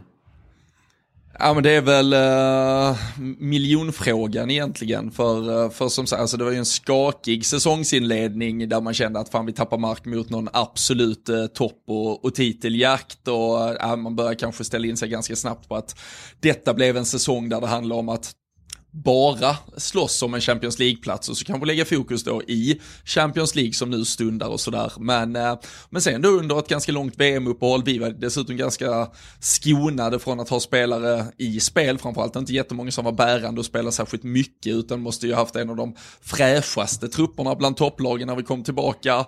Vi, eh, vi imponerar ju absolut inte, men vi, vi vinner ändå de två första Premier League-matcherna där, först på Boxing Day mot eh, Villa och så när vi fick lite hjälp av Leicester eh, ett par dagar senare. Men, men hur det sen går från alltså visst det var en skadeskjuten trupp där det kom ett par skador på löpande band. Det var dålig timing, Luis Diaz fick bakslag, eh, det var ett par skador till här och där, men Ja, men det, ingen har väl egentligen svaret på vad fan det var som hände. Alltså, det var ju som att eh, alltså, tanken verkligen bara tog slut mitt ute på motorvägen. Det var, det var inga alltså så här, ju tendenser och att man kunde gjort någonting i somras för att förbereda sig och vara lite bättre rustade. Men vad fan, det var ju ett lag som när vi sparkade igång den här säsongen ändå slår City i Community Shield, gör ett par fina insatser här och där, även om det aldrig var superbra. Men det kändes ju mer som ett lag som letade efter form än ett lag som var på väg rakt ut för och eh, det har det ju varit sedan årsskiftet. Så äh, vad exakt, det, det undrar vi alla. Ja, nej men alltså kollar man, många pratar ju om att ge kritik till, till FSG med att den här nybyggnationen kanske måste börja och borde börja tidigare. Men ska man vara rent krass, kollar man på Liverpools trupp, alltså ingen kunde förutse vad som skulle hända med Fabinho. Det kanske är positionen bredvid Thiago och Fabinho som det verkligen, där hungrar man efter en ersättare. Men kollar man på backlinjen, det är tre värld, mittbackar av världsklass när de är hela, vilket de visserligen aldrig är. Det är Premier Leagues, ja men arguably bästa ytterbackspar och sen har det blivit en fronttrea där, där man pratar om att man behöver ersätta Mané, Bobby och Salah men samtidigt man har gjort det på ett jävligt smooth sätt och fått in otrolig bredd där uppe. Sen som sagt skade, skadebekymmer men hur mycket tror du att de här skadorna har påverkat? För för mig är det snarare backlinjen och centrala mittfältet som har. Hur mycket kommer det ge att Luis Diaz, Diogo Jota, Bobby Firmino kommer tillbaka i det här laget?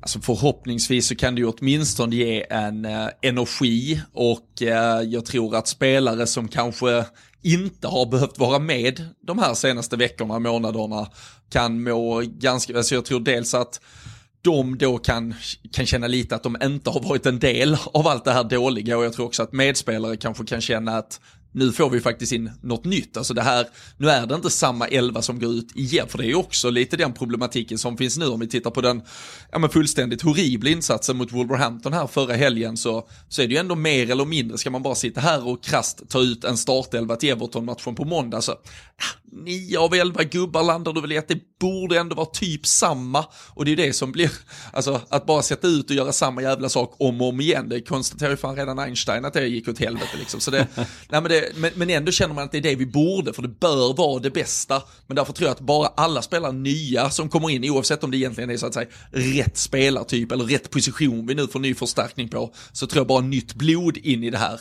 är jävligt viktigt. Sen, sen exakt vad det kan ge spelmässigt och resultatmässigt, det återstår väl att se, men jag tror bara att truppen skriker efter att få in nytt blod och ny energi. Jag, eh, jag, känner mig som en usel moderator Ni har sagt att vi måste hålla oss till 15, max 20 minuter och jag ställer frågor som man var och en av frågorna kan diskutera i 20 minuter styck utan problem. Men eh, vi pratar om det här att du behöver nytt blod. Hur stor, som känslan är nu, hur stor är utrensningen som, som behövs i sommar? Så mycket behöver spenderas och på vilka positioner hungrar man mest efter nytt blod? Vi, vi, vi, fick den här frågan när vi hade egentligen var lite mer välmående eh, som vi diskuterade i LFC-podden för ett par veckor sedan eh, där vi eh, fick värva tre spelare eh, valfritt. Och då sa jag två, två innermittfältare och en mittback hade jag valt då. Och jag tror jag landade i till och med om vi ska namedroppa lite så tror jag jag landade i drömspelarna var Moises Caicedo, Jude Bellingham och eh, Guardiol eh, in som en extra mittback. För, för där har man ju sett, du nämner att vi har tre mittbackar av världsklass, jag vet inte om det är Joel Matip eller Joe Gomez du vill göra till världsklass, men, men deras prestationer de senaste veckorna och månaderna vittnar inte om att det finns en världsklassnivå kvar i dem och, eh, och jag tror att vi gör väldigt klokt i att försöka skifta, skifta in minst en ny högkvalitativ mittback som på sikt blir det nya mittlåset tillsammans med Ibrahima Kunate beroende på var Virgil van Dijks kanske fysiska status tar vägen. Sen, sen är det ju minst två startande centrala mittfältare som måste in. Men pratar vi numerärer så är det ju säkert jag kan i alla fall säga tio spelare från den här Liverpool-truppen som, som ska lämna i sommar. Och eh, sen är det, eh, har det varit en ganska bred men liksom uddlös bredd som har funnits. Så jag tror inte att man nödvändigtvis behöver få in tio nya spelare för att tio försvinner. Jag tror att du kan fylla tre, fyra luckor underifrån och så är det kanske men, ah, fem, sex spelare, varav tre eventuellt en fjärde ska knacka på dörren direkt till startelvan. Jag måste bara fråga om Gakpo, för vi har inte pratat sedan han gjorde sin debut i Liverpool. Är, kan man säga att det är en sån lätt analys att tidigare Liverpool-spelare och nyförvärv som har känts så självklara från start har kommit in i välfungerande, välmående Jürgen Klopp-lag, medan Gakpo har kommit in i ett, det mest dysfunktionella Liverpool under Klopp? Eller ska man ge Gakpo kritik, eller är det för tidigt? Alltså någonting ligger väl alltid på individen, du kan väl alltid bidra med vad fan, eh, du kan ju alltid bidra med någon form av energi och eh, alltså utstrålning, det kan ju brinna lite i dina ögon. Där tycker jag ju, till exempel, det var lite så jag försvarade Darwin Nunes hela hösten, där kanske också laget, om än inte på samma nivå, så var det ju ändå ett ganska dysfunktionellt och inte lika bra fungerande Liverpool som han kom in i. Och han dessutom brände rätt mycket chanser, men då kände man ju ändå att det sprakar runt honom. Det, det brann i ögonen, han kom till lägen, han tog sina chanser, han alltså, i alla fall, alltså kom till chanserna, tog hela tiden utrymme, han ville ha boll, han ville syna, han ville vara mitt i saker där det hände, men med Gakpo så känns det ju som att han har kommit in då i ett såklart extremt dysfunktionellt Liverpool, men också ganska energilöst själv och inte tagit någon plats. Och dessutom kanske det, det, är eventuellt en väg vi vill gå som handlar om ett lite annorlunda sätt att spela fotboll. Men, men som du var inne på, alltså de här spelarna som kom in tidigare med Luis Diaz kanske som, som då den, ja, i den helt andra delen av spektrat med tanke på hur han stormade in i våra liv för eh, ganska exakt ett år sedan så, så är ju detta något helt annat och det det, äh, det slår inga gnistor och äh, just nu känner man ju med Diogo Jota tillbaka äntligen i full träning så hade jag ju startat äh, Jota, Nunes och Salah tillsammans så snabbt som bara möjligt och så får vi börja ta det försiktigt igen med Cody Gakpo och se om vi kan slussa in honom istället. Mm, jag ska gå vidare och prata lite Champions League, men jag ska bara ställa en rak, kort och koncis fråga gällande Jürgen Klopp. Tränar han Liverpool när säsongen 24-25 drar igång, alltså om ett och ett halvt år?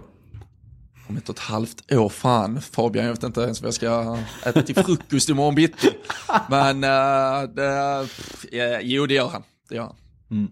Real Madrid i åttondelsfinal, finalrepris från förra säsongen då, ja, ni eh, förtjänade den vinsten på många sätt eh, kan jag idag eh, erkänna. Alltså, du... Är detta något som står i manus att du ska säga? Det här känns inte som att det kommer från hjärtat i alla fall. Nah, nah, men jag försöker bygga upp min, min roll som neutral här. Jag har fått lite skit i veckan att mitt supporterskap börjar lysa igenom och att jag varit snackat för mycket United. Så jag, jag berömde Liverpool i förra podden. Igenom. Ja, jag vet. Jag jag, fan det är bara hyckleri annars. Så är det ju faktiskt. Ja. Skit i finalförlusten. Det är en jävla supermatch mellan två historiskt jävligt stora klubbar och du ska åka till Madrid och se returen, eller hur, hur är det? Uh, ja men precis, uh, och det är ju uh, lite mer än en månad till dess, så vi, får väl se, vi får väl se hur mycket bättre Liverpool mår då. Men det mest oroande är att det trots allt ska spelas ett första möte redan här om en 10-12 dagar. så där är ju frågan vad status kommer att vara på Liverpool. Fan, fan, jag, fan jag, jag, jag, njuter av att höra det, så jag har aldrig hört det så här pessimistiskt. Jag, jag gillar den här Robin. Ah, men herregud, det, det, det går snabbt. Men alltså vi, vi, har, vi har alltså 1-9 i målskillnad i Premier League sedan årsskiftet. Vi har släppt in tre mot Brentford, tre mot Brighton, tre mot Wolves. Alltså Wolverhampton har gjort lika, alltså de har hälften av alla sina mål den här säsongen har de gjort mot oss den här månaden i stort sett. Det, nej, det, du förstår hur djupa jävla gravar jag kommer från för att ens komma upp och sätta mig här och prata om detta. Ja, det, det, det är strångt, men eh, vad... Jag, jag, jag kollar på tabellen idag och det sjuka är om Liverpool vinner sin hängmatch, vad som nu talar för det, så är man alltså åtta poäng bakom Newcastle. Har man, har man något hopp om att sluta topp fyra fortfarande, eller hur känns det där inför, inför våren? Jag, jag, jag, jag har blivit som alla fotbollsspelare någonsin och säger att jag tar en match i taget numera. För det är liksom inte, det är inga drömmar och visioner om att vi ska ta oss dit. Men för några veckor sedan när det började kanske efter första anden, när det knakade lite, lite mindre i alla fall än vad det gör nu, då var ändå min tanke att ett Liverpool som når upp till någon form av okej nivå i alla fall, borde kunna knappa in ganska mycket på Newcastle. Där, där var det alltså jag har nog, som nu skulle jag nog säga att Tottenham är favoriter, klart för att Newcastle tar fjärdeplats. Jag, jag tror att Newcastle kommer ha någon period som går tyngre under våren här också. De, de har inte byggt hela det den bredden och styrkan för att klara det. Men att Liverpool ska vara laget som kommer ikapp för, som du säger, alltså skulle vi gjort det så skulle vi egentligen gjort det nu under januari. Det är ju, vi har ju slarvat bort, eh, eller inte slarvat bort, vi har inte ens varit nära, men det har ju funnits poäng om vi hade stått för bättre prestationer som vi hade kunnat ta. Så äh, jag, just nu tänker jag inte någonting på topp 4. Men vad är känslan inför om vi pratar dubbelmötet mot Real Madrid? För Real Madrid, alltså rent krasst, förra året vann man Champions League på det mest osannolika sättet ett lag någonsin har vunnit tillsammans med kanske ert, eh, ert lag 2005. Men Modric, Kroos ett år äldre, man har Casemiro saknas tydligt i laget, Benzema inte haft den här säsongen som man hade förra året. Det Är inte ett jävligt, eh, ni är i dålig form men så även Real Madrid, även om det kanske inte är på samma nivå. Vad, vad ger er för chans att ta er vidare i det här dubbelmötet? Jag, jag, önskar ju att jag hade samma syn på fotboll som äh, gamla legendhögerbacken Cafu som äh, nyligen var ute och ratade Jordan Henderson före Luka Modric bland världsmittfältarna. Så då hade, man ju, då hade man ju haft lite mer kanske råg i ryggen här inför äh, mötet. Men alltså du säger ett år äldre på ett par av de där spelarna. Det är ju, det är ju sannoliken ett Liverpool-lag där spelarna är ett år äldre och ett par jävla många år tröttare.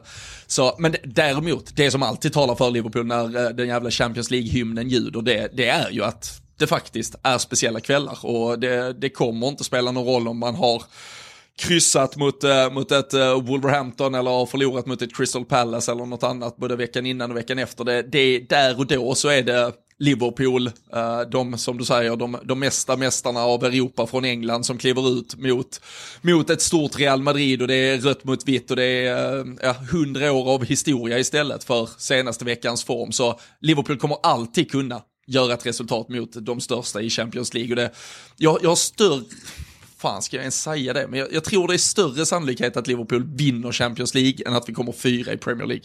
Ja, men det, det är rimligt. Alltså Jürgen Klopp har visat i Europa vilken jävla kupptränare han är. Och eh, Champions League-kvällarna på Anfield, alltså vi vet historien. Eh, sen är det, det är ett jävligt tufft schema som kommer upp. Det är Newcastle, det är Merseyside Derby samma dag som vi släpper det här avsnittet. Sen väntar Newcastle, sen är Real, sen väntar United. Så det, det är en jävligt avgörande sekvens för den här säsongen. Från att, alltså det kommer ju alltid vara en misslyckad säsong i Liverpool sett förväntningar. Men man kan ändå rädda upp den genom att ge sig själva chansen att komma topp fyra och sen ja, men gå vidare i Champions League. Och eh, vi, vi ska börja runda av Robin, men eh, till att börja med, eh, du måste kravet för att vara med här. Du måste tippa matchen mot Real Madrid. Eh, procentuellt, vilka går vidare? Eh, och sen även tippa hur långt Liverpool går i vårens, vårens Champions League.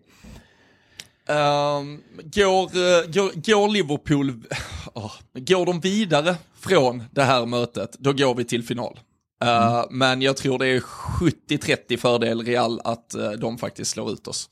Det är ju, alltså, Fan, jag, jag, tycker inte det. Jag, jag, jag tror på Jo, men det är det. De, de, men de avslutar hemma också. Alltså, där, där kan man ju prata om eh, de magiska kvällarna. Alltså, visst, det krävs kanske lite mer, om vi nu får generalisera, det krävs lite mer Uh, redan medvind i ryggen och att spelarna presterar för att uh, Bernabéu ska koka och det krävs framförallt att det är en stor Champions League-kväll. Men får de med sig läktarna som de kan få i en retur så, så har de verkligen också all den här jävla europeiska glansen med sig och kravställandet från publiken som kan göra att de är jävligt svårslagna där. Men eh, så, så för Liverpools del, det hade ju varit, jag hade sagt att det var 70-30 oss ifall vi avslutade hemma, men eh, nu gör vi ju tyvärr inte det. Så Real håller jag ändå som favoriter, men lyckas vi ta detta hindret och så vet vi att ett PSG eller Bayern försvinner när de möter varandra, de andra lagen Ah, alltså tittar vi på de bästa lagen i Europa kanske som presterar i ligorna med ett Arsenal i Premier League, Barcelona i La Liga så är de inte ens med i det här Champions League-slutspelet. Det är ju lag annars, alltså ettorna i de här ligorna brukar du hålla som favoriter. Så äh, efter Real så kan vägen fan ligga lite halvöppen. Ja, nej, det blir en spännande vår. Som du säger, jävla piss Champions League. Det är bättre att hänga i Europa League. Det är där de riktiga klubbarna eh, håller så till. Eller vad säger du? Så är det. det gör jag. jag ser fram emot conference nästa år. Så jag ska be bejaka allt vackert med den europeiska fotbollen. Du bara jobba en riktigt fin finalstad där som en riktigt fin away. Eh, Robin, jag säger eh, ett jävla, ha en bra resa i Madrid. Eh, hoppas ni åker ut. Eh, och Absolut. Eh, tack för att du var med. det, stort tack, alltid ett nöje.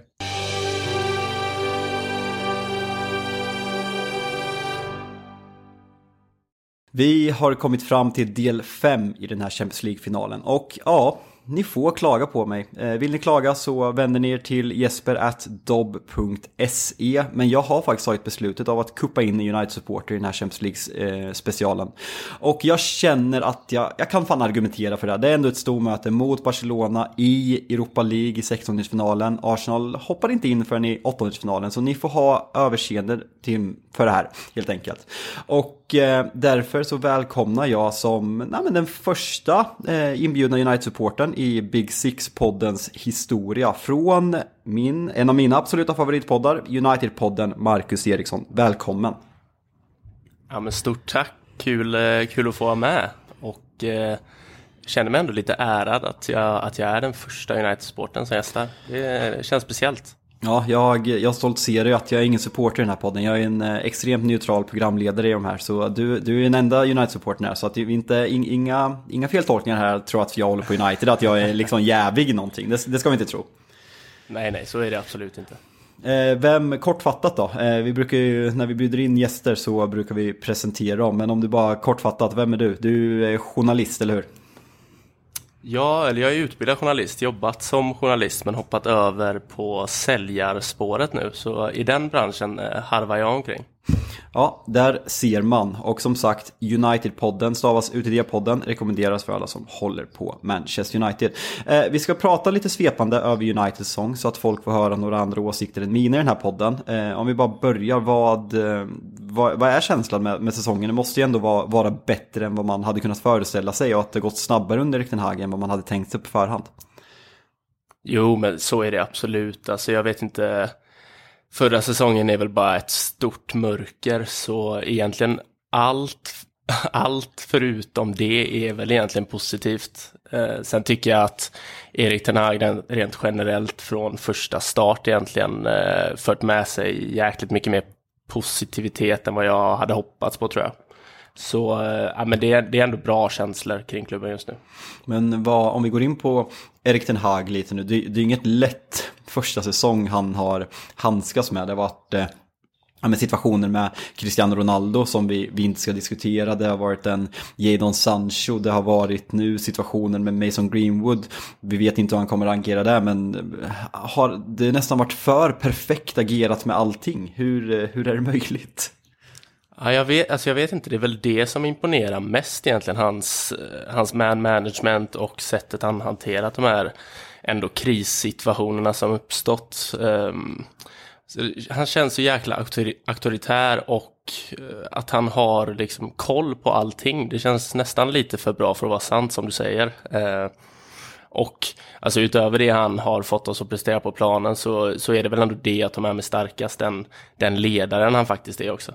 För han, han har ju inte tagit den enkla vägen, han har ju spelat ett högt spel, exempelvis om det är efter, efter matchen mot Brentford när man tar den andra förlusten på, i match nummer två säsongen när han, när han kör den här grejen att nej, spelarna ska löpa lika mycket som Brentford löpte mer.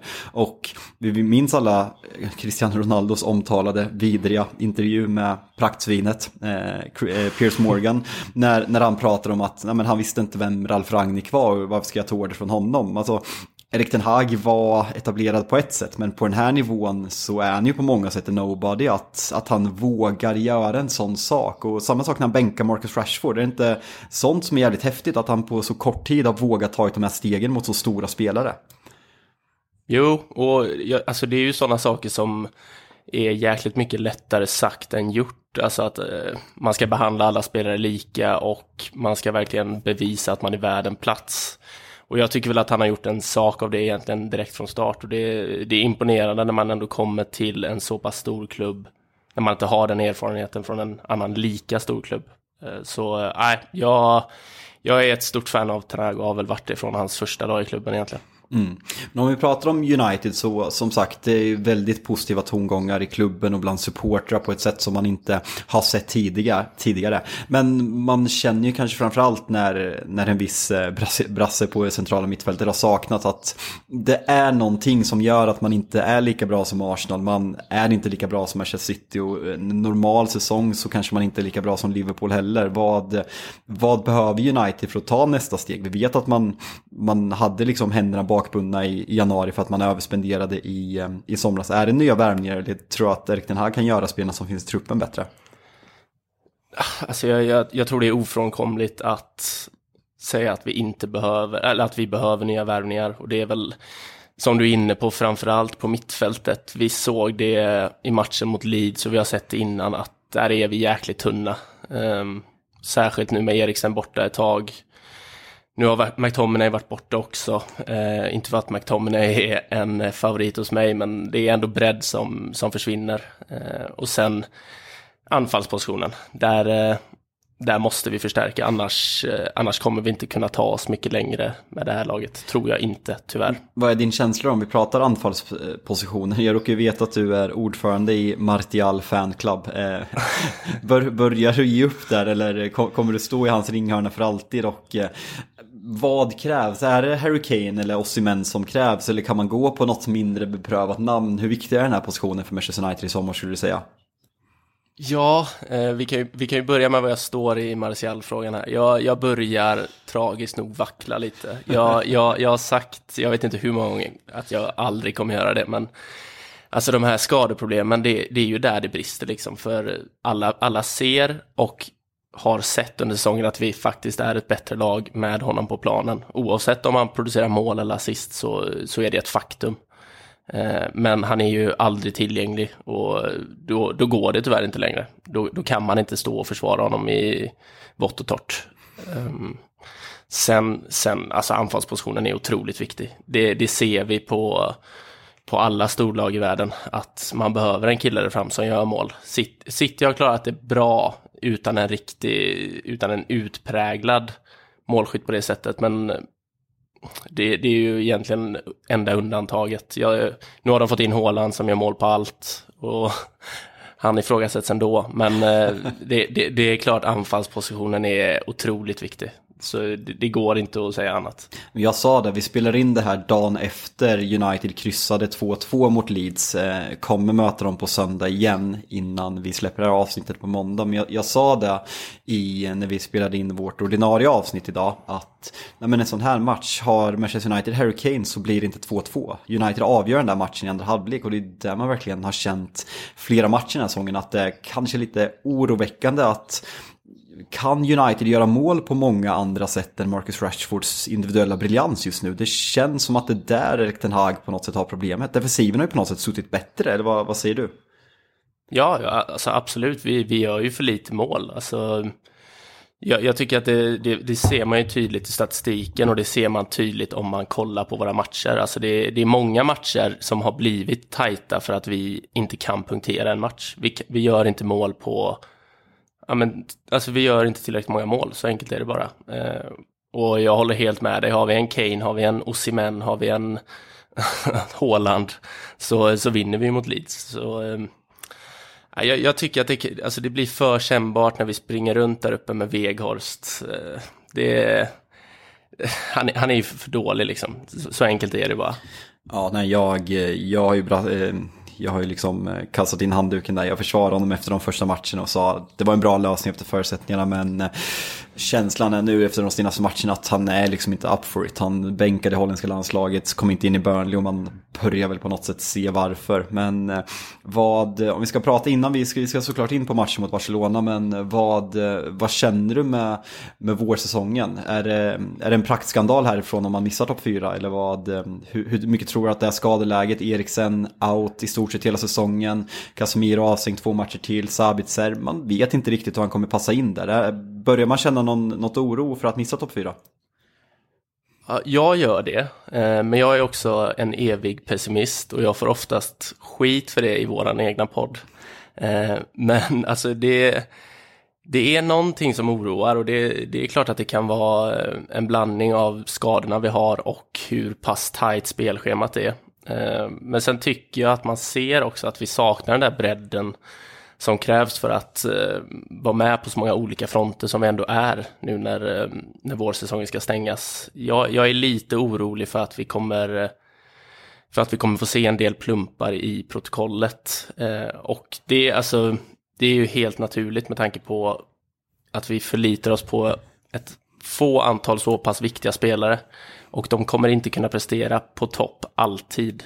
Så äh, jag, jag är lite osäker alltså, men det, det är klart jag hoppas och tror att vi ändå kniper det, men jag är lite osäker. Ja, nej, det blir en spännande vår på jävligt många olika plan och tävlingar kan man lugnt säga. Eh, matchen mot Barcelona då, eh, på tal om att United har svårt att göra mål. Barcelona har alltså släppt in sju mål eh, i La Liga på 20 matcher. Hur, hur fan ska United göra mål i det här dubbelmötet?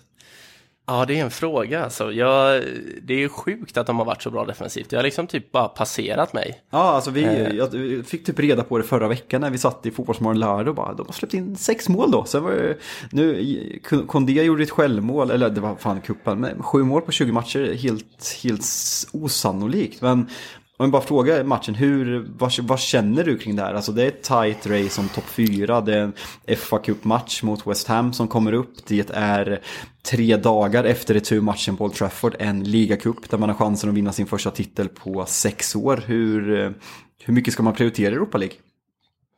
Ja, alltså hade vi inte mött Barcelona så hade jag ju sagt rotera utav bara ah, fan. Alltså låt gubbarna som inte spelat så mycket den senaste tiden få lite minuter i benen.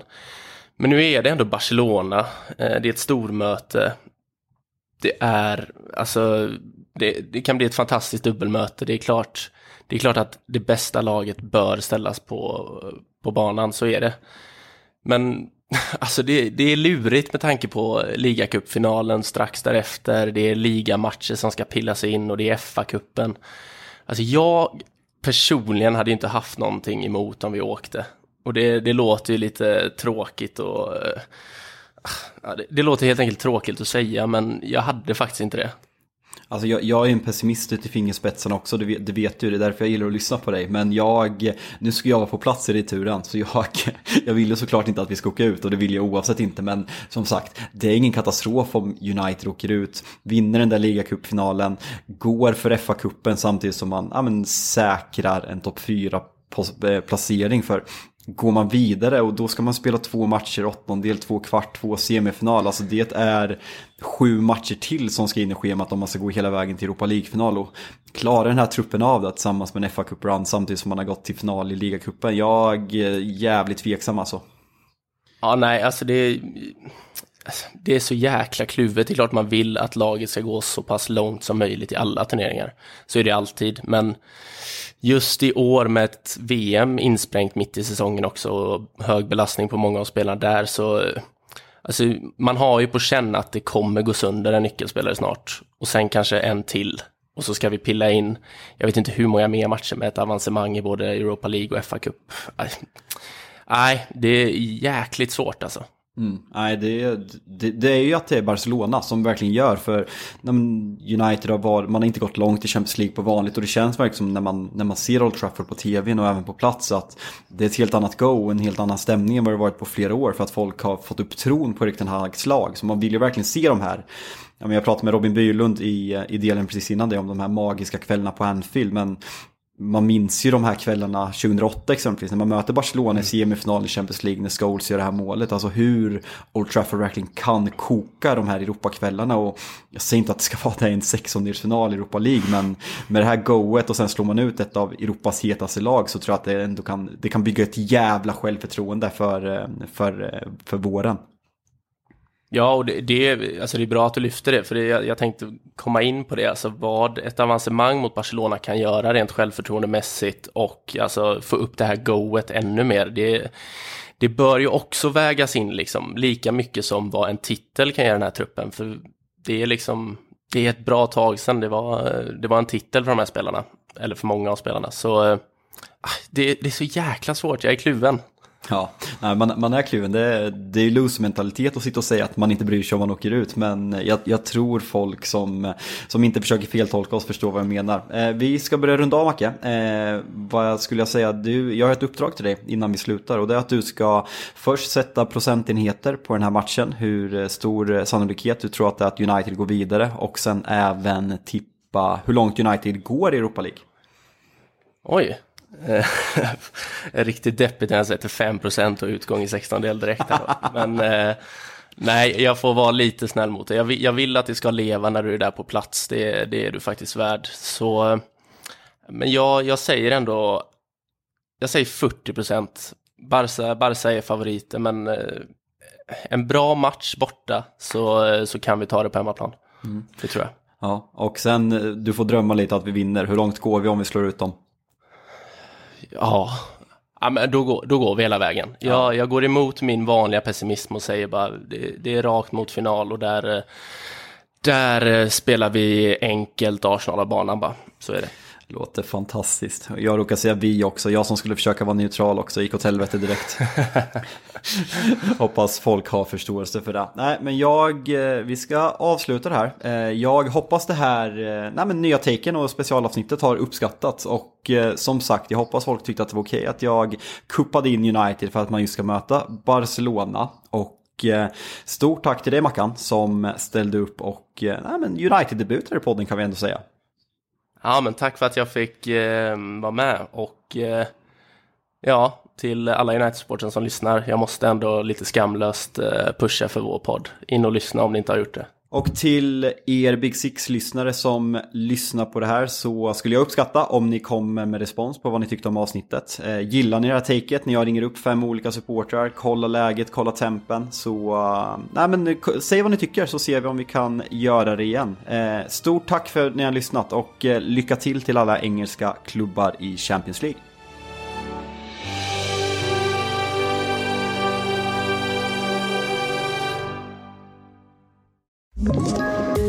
Poddtips från Podplay.